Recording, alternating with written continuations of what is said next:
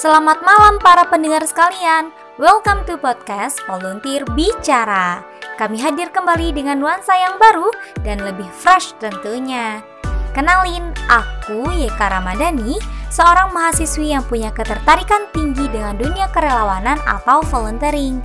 Karena menurutku, menjadi volunteer itu kayak di mana kita sebagai pemuda dapat mengaplikasikan ilmu yang kita punya di tengah masyarakat.